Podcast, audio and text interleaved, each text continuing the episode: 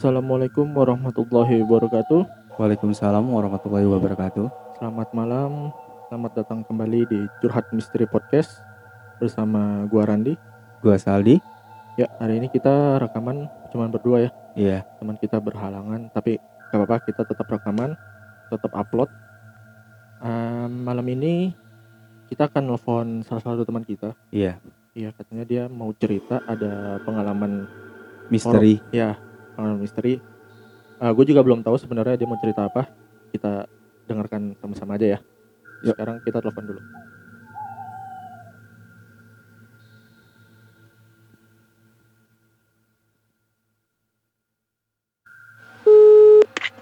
Halo. Halo. Halo. Halo Yun. Iya, Halo. Ya, Perkenalkan dulu namanya. selamat datang di Curhat Misteri Podcast ya. Ketawa lagi lu. Oh ya, ini gua gua biasanya kan bertiga ya sama Pajar ya. Mm-mm. Nah, Pajar lagi nggak datang nih. Gue cuman sama teman gue nih, Saldi. Oh, halo. Halo Yun. Kalian boleh Yun? Katanya lu punya pengalaman Lanjut. horor nih. Boleh dong diceritain. Sebenarnya dibilang horor sih gak yang horor-horor penampakan-penampakan gitu ya. Hmm? Karena gue juga nggak mau punya pengalaman kayak gitu kan. Hmm? Jadi ceritanya itu berapa tuh? 9 tahun yang lalu kalau nggak salah karena bokap gue kan udah meninggal kan sekarang. Heeh. Eh, eh jadi dulu bokap gue itu sempat kena stroke. Oke. Nah, suatu masa dia tuh kena stroke em, setelah beberapa bulan pulang ke rumah lagi karena bokap gue itu nikah lagi. Hmm. Nah, jadi eh, sempat pisah sama nyokap gue tiba-tiba beberapa bulan eh, sebelum dia dia tuh pulang. Udah dong, eh, kita urusin lah.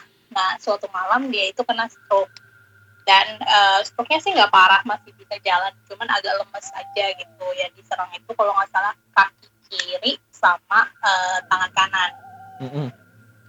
nah saat itu kan eh, kerjaan juga belum settle ya jadi kita nggak bawa ke rumah sakit jadi saat itu kita pengobatannya itu cuma ke eh, Sinse aja Oh, si tradisional gitu ya, tradisional ya.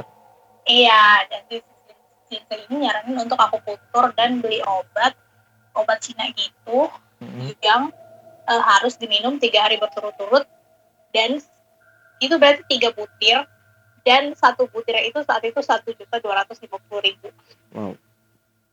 dan kita nggak bisa nggak bisa putus jadi kalau satu hari minum hari kedua hari ketiga harus minum pokoknya itu tiga hari berturut-turut akhirnya gue sama kakak gue eh, beli obat Hmm. dan kita minumin bokap gue sembuh Waduh, alhamdulillah dong. Alhamdulillah banget udah Hmm. bisa naik sepeda lagi, udah bisa eh, sholat jamaah ke masjid gitu. Karena sebelumnya itu selain stroke dia juga agak linglung. Oh. Jadi kayak kalau pulang sholat itu harus dijemput nyokap gue. Hmm. Karena suka lupa kan. Oh, sorry Yun, umur bokap lu berapa ya? Saat itu dia 54. Oh, masih muda sih hitungannya ya. Masih muda, Hmm. iya dan masih gagah ya Iya, untuk betul. ukuran. Jadi dia juga sempat kena kayak power syndrome gitu karena kan dari gagah jadi eh, nggak punya tenaga. Jadi saking keselnya dia pernah pakai baju ngancingin baju salah gitu baju dirobek kok. Waduh. Stres kali ya. Lo tau bapak gue, bapak gue emosian. iya, iya, iya, iya. Terus Heeh. dia sembuh kan. Hmm. Nah dia sembuh itu eh, jadi udah udah biasa lah udah kita tinggal saat itu keadaan dia udah nggak kerja jadi udah udah di rumah aja cuma kayak di rumah sore sore kita ajak jalan keliling karena terapi kakinya juga terus kalau maghrib itu dia pasti sholat jamaah di masjid Hmm. pulang lagi baru berangkat lagi isya gitu kan Mm-mm. nah waktu itu gue inget banget hmm, sebelum bokap gue ambruk yang kedua kali Hmm. kita itu kan tidurnya gue tidur di kamar paling belakang. Which is itu eh, jadi di belakang rumah gue ada pekarangan yang enggak gitu gede tapi ada pekarangan yang di itu tuh kayak kita punya pohon pohon nangka gitu yang gede yang berbuah dan pintunya itu selain pintu besi itu besi ya bukan teralis jadi dia pintu besi dulu Hmm. yang digembok gitu Mm-mm. baru pintu kayu Hmm, oh iya kayu. iya iya iya, paham paham paham gua. Ada double Iya. dua berarti ya pintu Iya, rumah lu ya. double Ah. door gitu Ah, ya ah, pintu besi dulu digembok baru pintu kayu yang dikunci kayak pintu-pintu rumah biasa Mm-mm. Nah, saat itu malam-malam gue saat itu emang tidurnya sama gue jadi gue ngejagain bokap gue kali-kali dia mau pipis karena kan dia takut jatuh lagi di kamar mandi kan Mm-mm. tiba-tiba jam sekitar jam 2 atau 3 gitu itu ada suara bantingan keras banget. Kayak tuh gitu di rumah gue dan cuma gue yang kebangun. Saat itu. Pintu, gue nggak tahu. Bantungan pintu Pin- atau? Jadi itu kayak bantingan gue nggak tahu karena kan gue masih di kamar kan. Oh. masih posisinya tidur.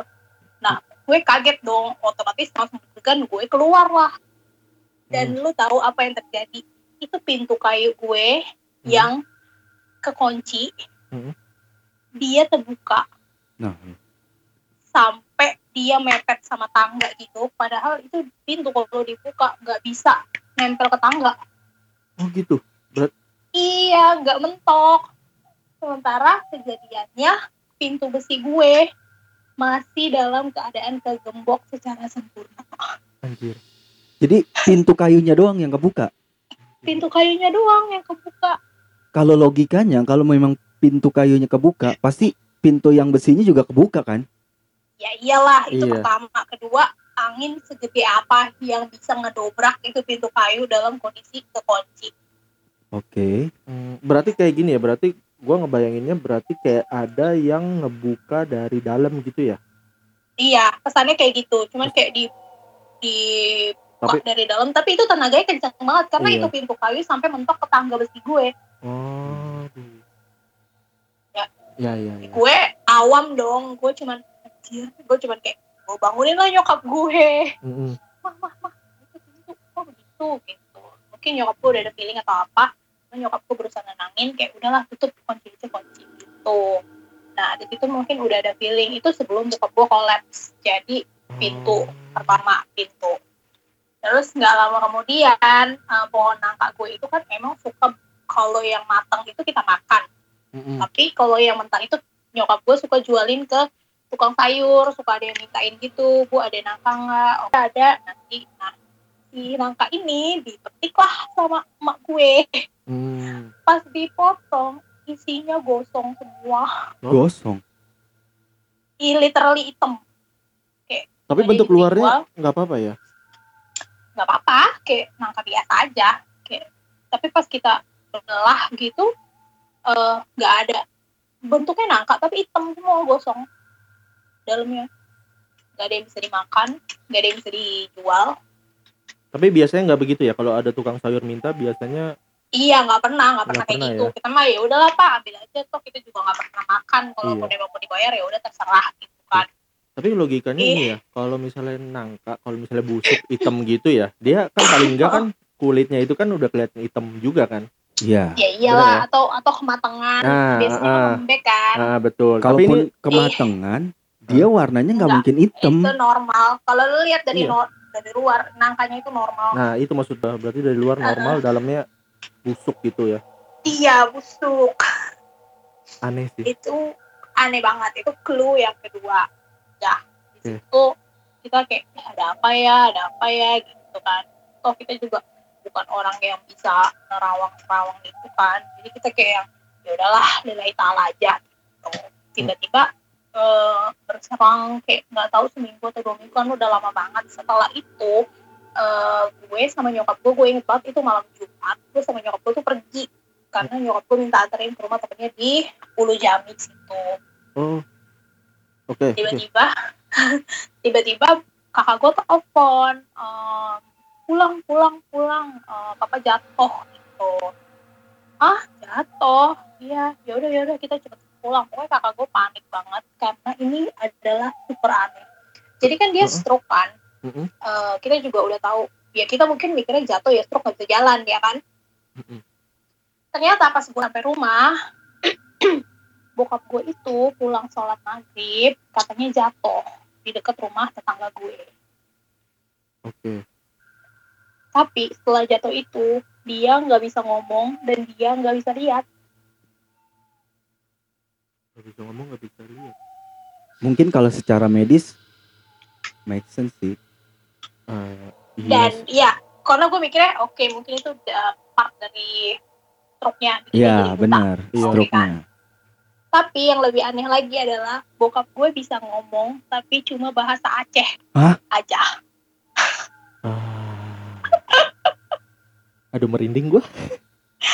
asli ini kayak itu tuh perjuangan panjang banget pas bokap gue sakit karena di dalam rumah juga hawanya jadi gak enak gitu suka merinding merinding iya bokap gue bisa ngomong tapi cuma bahasa Aceh aja Oh gitu. Only bahasa Aceh, nggak bisa bahasa only Indonesia. bahasa nggak bisa bahasa Indonesia Tapi palanya nggak kebentur atau apa gitu kali, Yun? enggak Tapi Enggak. boleh jadi nggak bukan Yun? bahasa Aceh dan itu pun bukan yang bahasa Aceh lancar jadi bahasa Aceh cuma satu kata aja yang itu tuh kayak ibaratnya kalau bahasa Indonesianya tuh kayak mengumpat gitu kayak misalnya kayak anjing atau apa gitu Bahasa kayak kasar kasar ya. lah Bahasa kasar. iya. Eh, eh, bahasa kasar dan secara gue ya secara orang Aceh di Jakarta ibaratnya langka lah ya tetangga gue juga Heeh. ada yang bisa bahasa Aceh gitu Mm-mm. terus kita nelfonin keluarga kita yang di Aceh ini ini dia ngomong apa nih dia ngomong apa gitu terus orang keluarga yang Aceh cuma bilang itu ngomong kasar gitu dan itu beneran cuma satu kata itu aja yang keluar dari mulut dia Selalu. selalu dari dari yang sakit itu ya Jadi bokap lu tuh kalau eh, temen gue merinding loh Yun. Serius gue nggak bohong nih. Jadi bokap lu itu eh jatuh. Nah, pertama kan nggak bisa ngomong ya, nggak bisa ngomong, nggak bisa ngeliat gitu ya. iya Nah setelah jatuh. bisa ngomong, cuman bisa satu kata. Iya satu kata. Satu kata ya, doang. misalnya kayak iya misalnya lu kayak misalnya lu jatuh tiba-tiba lu gagu terus lu nggak bisa lihat tapi lu cuma bisa ngomong monyet. Udah gitu doang. Ah, ibaratnya. Merinding gue beneran. Setelah itu, setelah itu kita nggak bawa ke rumah sakit. Karena kita mikir gila sakit apaan nih? Medis kayak gini nggak mungkin dong. Iya. Mhm. nah terus kita ikhtiar lah ke orang pinter Hmm. ikhtiar ke orang pinter Eh, jadi ya biasa lah ya eh, ke sini aja orang pada bilang gitu kan ke sini Iya. aja ke sini aja ke sini aja oh ya udah kita ke satu orang pinter nah kita ke satu orang pinter itu lu pernah nonton dua dunia kan kayak yang aing mau aing Iya, mau ah, gitu. iya, iya, iya. Iya benar. itu Jadi? ceritanya kayak gitu jadi pakai perantara Oh. si, jadi si ustadznya ini dikasih lihat foto bokap gue terus dibilang oh iya ada yang dendam dia bilang gitu cuman si ustadznya tuh nggak ngomong eh, siapa siapa siapa karena dia bilang nggak nggak nggak usah saya kasih tahu siapa deh eh, karena nanti ujung-ujungnya malah jadi apa nanti dendam lagi kalau kita tahu orangnya nanti kita mau eh, bales atau apa gitu. Ya penting sekarang gimana ceritanya kita doain bapaknya biar sembuh atau biar nggak kayak gini lagi dia bilang gitu. Oh ya udah. Mm-mm. Terus dibacain lah doa di situ. Baca Al-Quran terus ada perantara. Dan lu tahu apa yang terjadi? Jadi dia kayak kemasukan gitu. Si ustadznya baca Al-Quran. Hmm. gue nggak tahu surat apaan karena gue juga nggak hafal surat-surat Al-Quran gitu kan. Dia baca doa di situ dan ada tiba-tiba si perantara itu ngomong lu mau baca doa apa lagi? Gue Al-Quran aja gue hafal. Oh, gila gak sih? bokap bokap Bokap- bisa ngomong berarti ya? Bokap lu langsung bisa ngomong. Itu bukan bokap gue itu perantaranya Oh, Perantara perantaranya. Orang ketiga yang dimasukin Iya. mediasi lah ya. iya mediasi itu dia bilang kayak lo mau baca apa lagi sini mau baca apa lagi gua Al-Quran satu Al-Quran juga udah hafal lo mau baca doa apa surat Oh. ini surat itu surat Biasanya- ini, surat itu Biasanya kayak gitu dimasukin jin sih. Sorry, sorry Yun. iya itu jin Bokap ternyata bokap lu itu kondisinya lagi gimana tuh pas saat dimasukin? bokap gue itu di rumah Oh, bokap lu di rumah. Bokap gue di rumah Oh. tidur Mm-mm. dan bu, eh, kakak gue menyokap gue di rumah orang pintar itu Oh.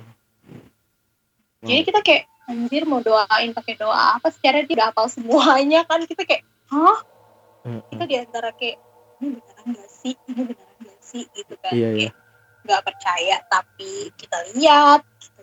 tapi kalau kita percaya kesannya kayak Musyrik, musyrik ya iya. kan Eh, itu ikhtiar yang pertama ke rumah dia terus dikasih air kan dikasih air eh, terus diminumin di bokap gue bokap gue gak tenang tuh karena semenjak dia yang nggak bisa ngomong sama nggak bisa lihat itu dia kayak tipikalnya tuh kayak panik gitu loh. Suka lah jalan ke belakang rumah gue gitu. Jadi kita harus ngikutin. Karena kan dia juga kalau misalnya mau ke toilet toh pipis nggak bisa ngomong dong maksudnya. Dan dia namanya gimana sih? Orang biasa bisa lihat jadi nggak bisa lihat tiba-tiba kayak gimana nih di mana nih kamar mandi? gitu kan. Jadi kita harus temenin dia terus kayak ke kamar mandi mau pipis ya pak? Ayo ada pipis pipis gitu. Dan itu full komunikasi satu arah aja. Tapi bokap lu kalau mau buang air gitu nggak ngomong ya, cuman berdiri aja tiba-tiba iya dia Pergi kayak gitu berdiri ya. gitu Bahasa tubuh. uh, pernah satu masa gitu ya dia kayak pengen pipis gitu terus dia berdiri. Berdirinya tuh di pojokan kayak di corner tembok gitu ngerti kan ah, di corner tembok gitu dan dia udah ngeluarin eh, udah buka celananya jadi kita buru-buru eh salah salah bukan di sini bukan di sini gitu. kita baru buru-buru bawa ke toilet Mm, Hmm, iya. terus kita mikir kayak akhirnya nih Ustadz kurang sakti nih gitu kan Oke. karena nggak ada perubahan dari bokap gue saat itu kayaknya nih Ustadz kurang sakti nih gitu kita eh, beralih ke rukiah Oke. Mm-mm. Eh, Ini eh, mikirnya ikhtiar lo kedua lah ya. Iya ini ikhtiar gue kedua kita ke rukiah rukiah ah eh, bokap gue karena nggak bisa ngomong dan di rukiah itu ternyata serem ya. Maksudnya seremnya adalah dia tuh sempat di rukiah pakai kayak eh, diminumin air cuka gitu. Bokap lu diminumin air, suruh minum air cuka gitu. iya satu sendok itu cuka. Kan itu perih ya. Iya benar. ternyata yang gue baca cuka itu untuk membersihkan eh, diri kita dari jin Oh, gitu. katanya gitu katanya jin itu takut sama cuka berarti kan gue ambil logikanya oh berarti di dalam badan bokap gue ada jinnya kali gitu kan gue Iya. mikir ya soalnya nggak mm-mm. masuk di akal banget tiba-tiba dia nggak bisa ngomong gitu kan Mm-mm.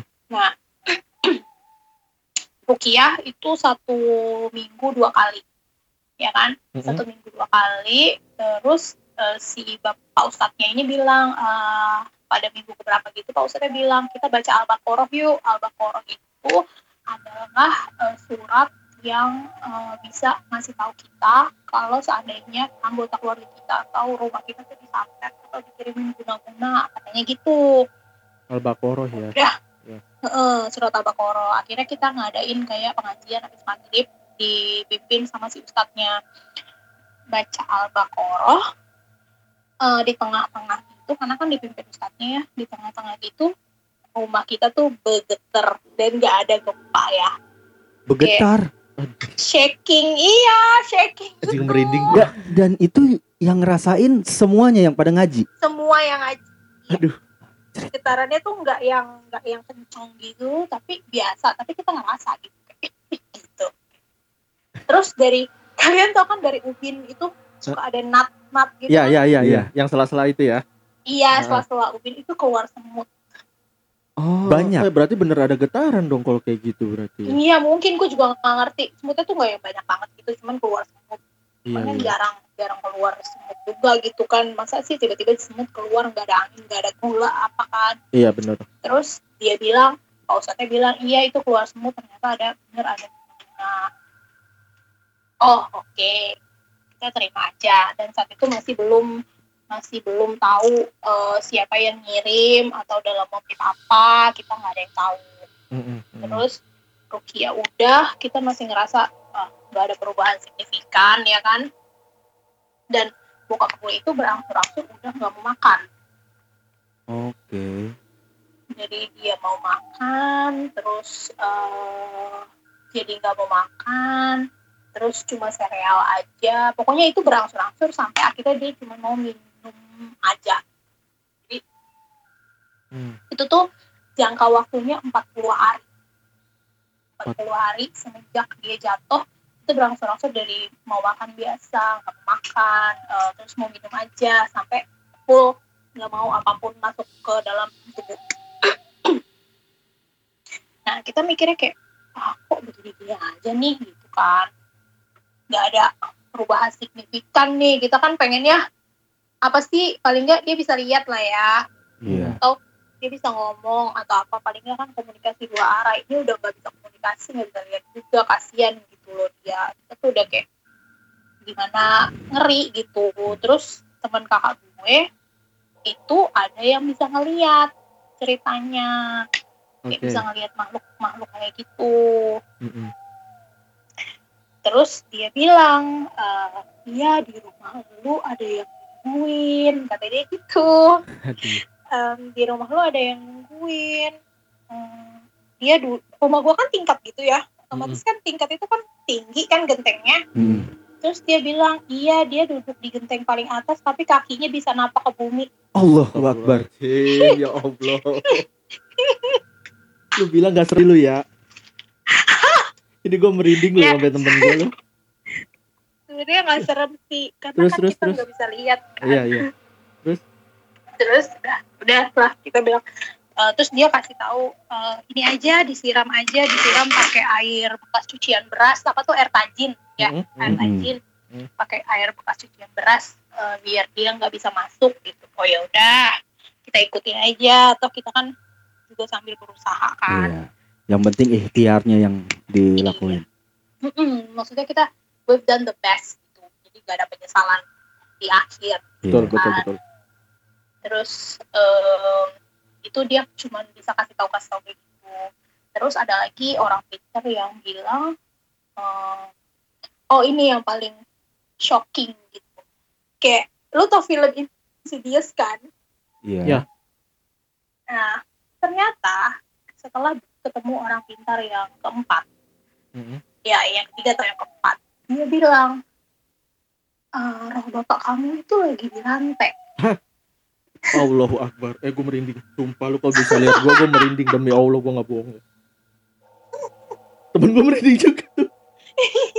Eh, Iya dia bilang, "Hmm, kalau bapak kamu tuh lagi di lantai. Hah? Maksudnya? Gue bingung dong. Iya, itu yang itu bukan iya. Tuh. Akhirnya benang merah dong semua. Kayak bokap gue dikasih air cuka lah. Tiba bokap gue gak bisa ngomong lah. Itu kayak jawabannya, oh ternyata itu bukan bokap gue. Dan setiap hari gue nemenin dia tidur, ternyata gue tidur di samping gue jin anjir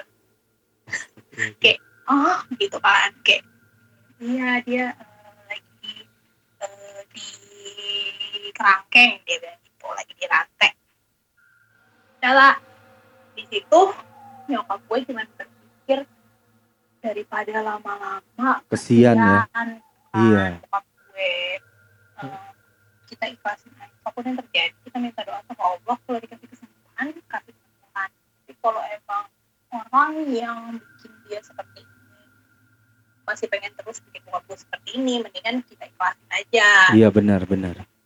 Daripada karena pas iya daripada iya jo, nyok eh, bokap lu sorry bokap lu sakitnya terus-terusan kan kesian ya. Sebenarnya kan sebenarnya bokap lu ini kan sebenarnya sebenarnya yang kalau gue lihat ya bokap lu ini sebenarnya udah diambil tapi karena memang ada makhluk astral atau apa pun itu yang membuat eh, apa namanya eh, rohnya itu nggak bisa naik ke atas. Jadi Iya, bokap lu nggak meninggal. jadi, nah gitu. jasadnya itu udah dimasukin roh halus Mm-mm, bener. Kayak gitu. jadi kayak kayak jin gitu. Iya. Bener banget. Jadi sebenarnya ya kalau itu jin gak ada di tubuhnya juga udah meninggal gitu kan. Nah, terus ah, terus lanjut dulu deh. eh, dia datang kan. Nah akhirnya yang kita pakai ini orang pintar yang terakhir ini tuh yang bilang bokap gue di kerangkeng kita pakailah dia terus gitu baca doa ini ini, ini. oh ya udah kita ikutin baca doa. Nah tiba-tiba dikasih tau lah sama dia kalau yang membuat ini adalah istri mudanya Istri mudanya. iya ini adalah guna-guna sang pelakor Hmm, aduh gue gimana ya? oh jadi pokoknya jadi intinya itu oh ya harta oh gitu dia Hmm. punya anak dari bokap gue dan ya bokap gue juga bukan orang kaya kali maksudnya kita cuma punya satu rumah yang saat ini kita tinggalin dan dia tuh pengen rumah ini gitu Hmm. Dan somehow eh, bokap gue itu eh, nggak mau kayak eh, nggak mau rumah ini jadi milik dia. Karena karena ini adalah rumah. Halo? Halo? Ya ya ya ya ya. Waduh. ya tuh kan. Eh, terus kita tanya dong eh, ini ini gimana? Kita juga sebenarnya ini parah apa gimana? Gitu kan. Dan orang pintar itu cuma bilang gini ini parah. Eh, kenapa saya bilang parah? Karena kalaupun yang membayar bunga-bunga ini tidak bisa pakai uang karena kan kalau bayar dukun harus pakai duit kan bayar kan. Iya. kayak bayar mahar gitu.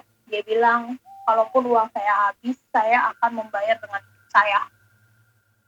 Oh, jadi kayak pe- kayak pesugihan bukan ya? kayak Tumbal, tumbal, tumbal. ya. kayak kayak gini loh gue mau bikin lo sakit lama gitu kalau gue udah gak sanggup bayar dukun ya udah lo ambil aja nih jiwa gue yang penting dia sakit lama Astagfirullahaladzim. nah terus udah sampai situ eh, ada masanya eh, udahlah ya kayak yang horor-horor itu udah lewat terus eh, bokap gue nggak makan. Terus bokap gue juga sempat bilang eh, sempat jauh sebelum kayak setahun sebelumnya itu dia sempat bilang kayak gue kalau eh, meninggal tuh gue maunya di bulan Ramadan gitu. Bokap gue sempat nyeletuk kayak gitu. Oke. akhirnya dari jangka waktu dia jatuh jatuh nggak bisa lihat nggak bisa ngomong itu 40 hari kemudian eh, jadi empat iya 40 hari kemudian itu kan udah nggak masuk makanannya kita mikir kayak ya udahlah kayaknya dia mau ngebersihin atau apa gitu kan Mm-mm. karena eh, gangguannya itu bukan cuma ke bokap gue jadi ke orang yang mau nolong bokap gue pun diganggu kayak orang Hmm. pintar kalau mau datang ke rumah gue padahal dia udah sering datang ke rumah gue itu dibikin kesasar Oh gitu. Eh, eh, sampai rumah gue itu katanya nggak kelihatan Iya, ditutupin biasanya. Iya berarti kayak gitu kan terus ditutupin karena kita mikirnya kayak ya ampun kayak kita kayak nggak dikasih nggak dikasih kesempatan buat ngebantu dia gitu loh Hmm. si orang pinter itu eh, tujuh hari atau sepuluh hari sebelum eh, bokapnya meninggal dia bilang udah ada orang pakai jubah di pagar Waduh. gue langsung ah apaan itu Gitu. nggak tahu nggak tahu apa entah malaikat atau apa nggak tahu. Pokoknya udah ada orang pakai jubah di pagar terus dia bilang eh, standby ya bapaknya jangan tinggalin Dia bilang. Ya udahlah kita standby. Emang kita saat itu jagain terus eh, bokap kan. Kayak kita tidur bareng-bareng di ruang tamu ular kasur gitu biar takutnya bokap gue mau atau apa gitu. Kita jaga gitu.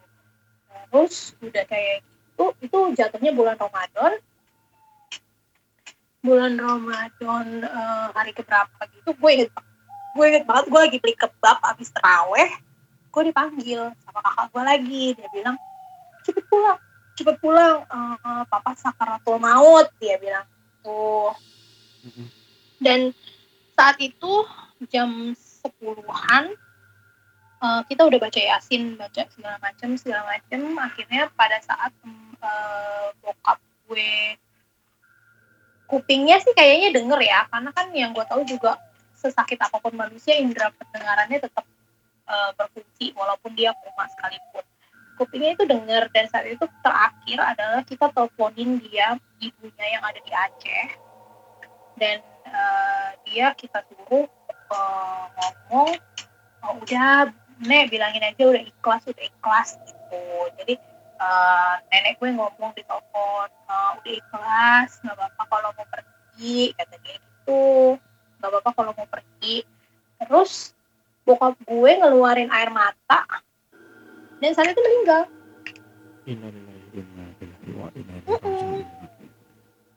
Udah lah meninggal. Besok paginya bulan puasa tuh besok paginya eh, dikubur.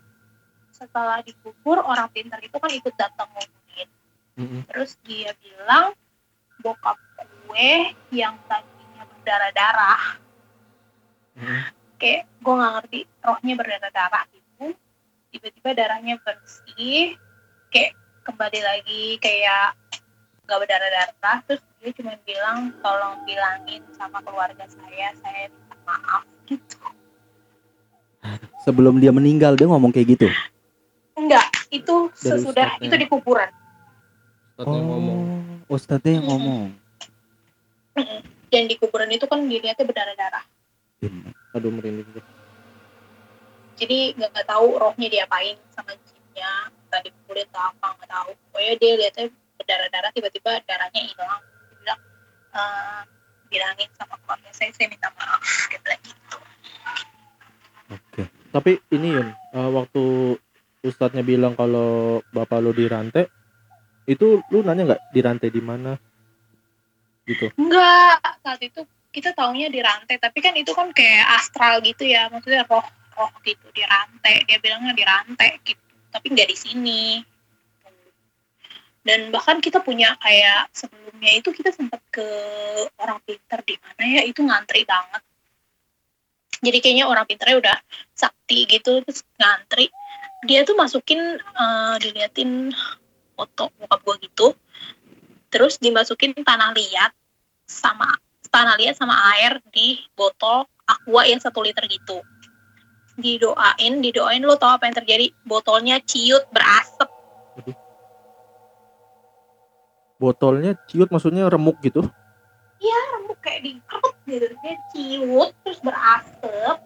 Terus orang pinternya cuma ngomong aduh ini parah banget. Aduh ini parah banget. Cuma gitu Hmm. Aduh, gue, mau ngomong apa gue ya? Merinding gue dari tadi sumpah. kayak ini buat pelajaran buat semua janganlah ambil-ambil shortcut kayak gitu karena dosa ya jelas dosa itu udah pasti jelas terus yang Iya. kedua yang lo dapet apa gitu ya kan Tapi waktu, eh sorry Yun ya, ini maaf ya. Waktu Ustadz yang terakhir itu bilang kan kalau eh bokap lu itu apa namanya bokap lu punya istri muda gitu ya? Mm-mm. Itu reaksi keluarga lu gimana Yun? oh kita udah tahu Oh. Jadi memang udah persetujuan dari orang tua lu untuk Hmm, bokap lu nikah lagi gitu dulu. enggak sebenarnya dia kan eh, diam-diam tapi kita udah tahu dan itu kan Oh. udah melewati masa-masa berantem apa semua kan udah tahu Oh, cuman saat gitu. itu karena kita udah sama-sama gede gitu kan Oh. Udah Oh. daripada ribut mulu udahlah mending lu pergi gitu Hmm. Tapi tapi Ustadznya itu nggak tahu kan kalau bokap lu itu punya istri muda kan? kita kita nggak ngasih tahu Ah. saat itu Aduh. Tapi waktu terus waktu bokap lu meninggal eh gak datang nggak datang nggak orangnya? enggak, enggak. karena dia nggak tahu rumah kita yang di dan kita di, sebenarnya ini kayak muda itu rese gitu resenya adalah dia suka telepon-telepon ke rumah Hmm. eh, dan suka nanyain bokap gue gitu kayak saya mau bicara dengan eh, Pak Rahman gitu gue Hmm. Pak Rahman udah meninggal gitu Dan Oh itu setelah tahu. meninggal ya? saat itu udah meninggal dia suka telepon telepon jadi Nah. gue kayak nggak ada udah meninggal tinggal tutup kuburannya di mana yang nggak tahu gue udah kayak Oh gitu ya. gue nggak mau kasih dia jalan apa pun gitu karena kan kuburannya juga deket rumah gue takutnya kan nanti dia datang ke sini Iya. gitu Iya, iya. kan Hmm. Tapi pihak keluarga lu nggak nggak balas itu ya? Maksudnya nggak Enggak lah. balas. kita nggak mau maksudnya ngapain yang kayak gitu-gitu capek ya nggak sih Iya. Benar, dan Buat kayak dosa bayar juga. orang pinter gitu juga kan butuh duit paling nggak walaupun dia kata seikhlasnya masa ya kita kasih 2000 ya nggak sih kan nggak Iya benar. Mm, jadi kita kayak udahlah kita berusaha move on aja. Cuman setelah kejadian horor berangsur-angsur itu rumah gue itu eh, kita minta dipagerin biar kalau misalnya ada orang jahat atau apa mendingan nggak usah lah dilihat nggak usah rumah kita gitu. Jadi kita ikhtiarnya kayak magerin rumah gitu Oke. soalnya setelah bokap gue meninggal itu kayak horor-horor kayak gitu udah nggak ada lagi Oh gitu. Oh. Iya, kayak, kayak yang kita masuk rumah, terus badan tiba-tiba merinding. Itu pas zaman bokap gue sakit, itu hampir setiap hari. Dari awal mula Pokoknya- sakit berarti ya? Iya, pokoknya rumah udah nggak enak banget hawanya. Bener-bener nggak enak banget hawanya. Jadi kita merinding. Tapi alhamdulillah setelah bokap gue meninggal, eh, kita kan sempet ke Aceh kan, rame-rame. Gue sekeluarga gitu.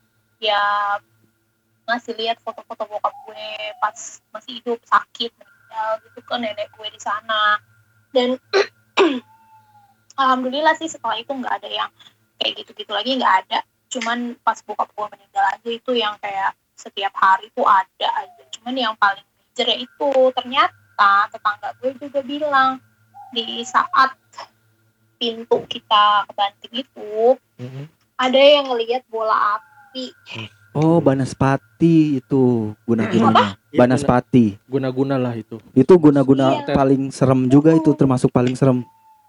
Karena iya, Uh, itu bahaya Yun. Merinding kayak gua. film ya Iya, benar-benar. Aku merinding dari tadi tahu. Sumpah. lu ketawa lagi lu. Gue lagi kayak ketakutan ini. film iya kayak gitu ada yang ngeliat bola api tetangga gue terus di rumah gue ada di atapnya tuh ada burung gagak Oh, pertanda itu pertanda-pertanda. iya kayak pertanda-pertanda gitu terus eh, pas bokap gue oh namanya mama ya mama Hmm. kan cerewet Gosip. yang ngedumel gitu Mm-mm. modelannya nah mbak gue sempet kayak emosi gitu kali ya mungkin dia wajar lah mungkin dia kesel atau gimana dia ngomong pah gitu kayak bokap gue lagi duduk aja itu udah nggak bisa ngomong udah diam kayak buta gitu. Dia bilang pah nih gara-gara bini muda lo nih gitu. Bokap gue tuh eh nyokap, Nyokap lu udah kesel kali gitu. ya. Iya mungkin kesel kali ya. Gara-gara bini muda lo nih lo begini gini gini pokoknya terus dan bokap gue cuman kayak tanda gini. Kayak tangannya tunjuknya di mulut gitu. Jangan Oh, ngomong diam, lagi diam kayak gitu, gitu. nyokap gue digituin Aduh, aduh Gitu. merinding gua. aduh pokoknya itu benar-benar saat itu perjuangan panjang deh tapi kita bersyukurnya karena nggak lama sih ya 40 Iya. hari doang fix 40 hari 40 hari diganggunya ya. iya 40 hari setelah bokap gue parah Bokap lu parah. Mhm. Jadi 40 hari setelah itu dia meninggal. Mungkin kalau kalau nggak diobatin, gue nggak tahu ya sampai kapan. Karena kan Oh, Karena modusnya apa si pelaku itu memang buat nyakitin bokap lu kan. mhm. iya, jadi modusnya itu pengen bikin bokap gue gila. Iya, karena Bismillah. ya ujung-ujungnya gimana ya? Harta sih biasanya kayak gitu. Iya nggak di Iyalah, Ah. jelas. jadi Karena anggurin ya. dia bilang gitu. Rumah sih katanya rumah. Iya. doang. Oh, mungkin dulu ada perjanjian kali. Ya walau alam Iya, bang. kita mana tahu kan. Iya, iya benar. Dia pernah komunikasi apa atau mau dikasih apa namanya lelaki kan janji-janjinya palsu kan. Oke. Oke. Tapi setelah meninggal nggak ada lagi ya? Gak ada gangguan lagi. Enggak, alhamdulillah enggak. Enggak ada. Enggak ada yang separah itu sih. Enggak ada yang gangguan, maksudnya gangguan separah itu yang sampai pintu banting gitu udah enggak ada. Alhamdulillahnya. Kayak mungkin dia juga capek kali, maksudnya capek ini gue ke dukun mulu, udah habis duit gitu kali ya, gue juga nggak ngerti. Hmm. Tapi paling enggak nggak ada sama sekali nggak ada gangguan dan kita juga berusaha menutup segala macam eh, segala macam cara untuk eh, membentengi rumah kita, diri kita. Jadi alhamdulillah sudah tidak lagi. Tapi lu udah apa? Eh, make sense gitu ya kalau eh, oh. Apa? Eh, jadi lu udah jadi itu memang itu diguna-guna gitu ya, bukan Iya. bokap lu punya i- punya sorry Ilmu. punya ilmu atau apa gitu ya. Soalnya setahu gua kalau Hmm. orang punya ilmu ya, mohon maaf ya Yun ya, sorry. Mm-mm. Katanya sih matinya susah, Matinya lama. Iya. matinya lama. ah, ah. Bokap gue tuh sempat punya kayak eh, ilmu Mm-mm. Gitu kan, tapi udah dibersihin. Kita Oh, juga kan udah. mikirnya gitu kan, Iya. kayak orang punya Iya, susuk ada sesuatu apa. lah gitu ya. Heeh, tapi itu udah dibersihin dan total si orang pinternya juga ngomong ini pengen dibikin gila soalnya orang gila itu kan matinya lama gitu Jahat banget orang. iya ada ya orang kayak gitu makanya cowok-cowok jangan suka main-main cewek Ah, iya. lu mau bilang gak serem, taunya serem banget tuh rese lu. gue demi Allah serem lagi sebenarnya ini bukan yang dilihatin kuntilanak atau apa I, eh, ini ya malah yang serem loh. Udah kayak apa ya? baru tahu gue kalau cerita kayak gini tuh ya ada, Ada. gitu Iya, gue juga kayak nggak gue kira cuma di Insidious Iya di film-film aja begini. kan ah kacau ya. Beneran ada, itu beneran ada. Ada dan gue alami sendiri. Nanti pesannya itu ya pesan-pesan buat semuanya Iya. udahlah nggak usah macam-macam lah laki-laki Yang buat yang cowok, jangan Hmm. coba-coba cari istri kedua. Karena lu ujungnya bisa disantet.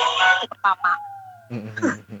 yang buat yang para pelakor udah kalau lu lebih cantik main cantik aja nggak usah ke dukun-dukun pertama duit lu habis Betul. kedua lu dosa ya kan betul, betul. tiga kalau orang yang didukunin nggak pernah ikhlas dosa lu jalan terus itu aja sih pelajarannya dari gue Yap. dari apa yang gue alami gitu. Siap, nanti pada nggak bisa tidur lagi Lu merinding lu beneran lu kalau di sini ngelihat gue merinding ya. Temen gue juga merinding ya. hati-hati lo katanya jin itu kalau kita omongin dia tuh tahu Betul. Benar, benar. Betul. Soalnya gue waktu itu lagi rekaman juga pernah digangguin. Tuh, ih, kalian tuh pada ini ya menantang menantang makhluk astral. ya wes, ada lagi nggak? Udah, udah, itu aja. Makasih banyak ya Yun udah Kita cerita makasih banyak cerita. ya. Sama-sama. Lu udah follow IG kita belum? Belum. Lu ada IG nggak? Ya. IG Iya, lu iya. apa? Kayak gue Yunita Zahara. Y- at IG-nya gue follow lu deh. Ah, follow gue ya? Yunita Zara ya? Enggak ah, kayaknya lu nggak follow gue. Enggak ya. Jadi nanti kita follow-follow Ya udah, ya udah ya nanti aku tekin ke Yunita ya. Gue tekin Iya. dulu ya. Siap, siap. Makasih Iya. Cita Yun ya. Terima kasih. Salam buat nyokap ya. Ya, makasih Ya. Yun. Ya, Dadah. dadah. Bye bye.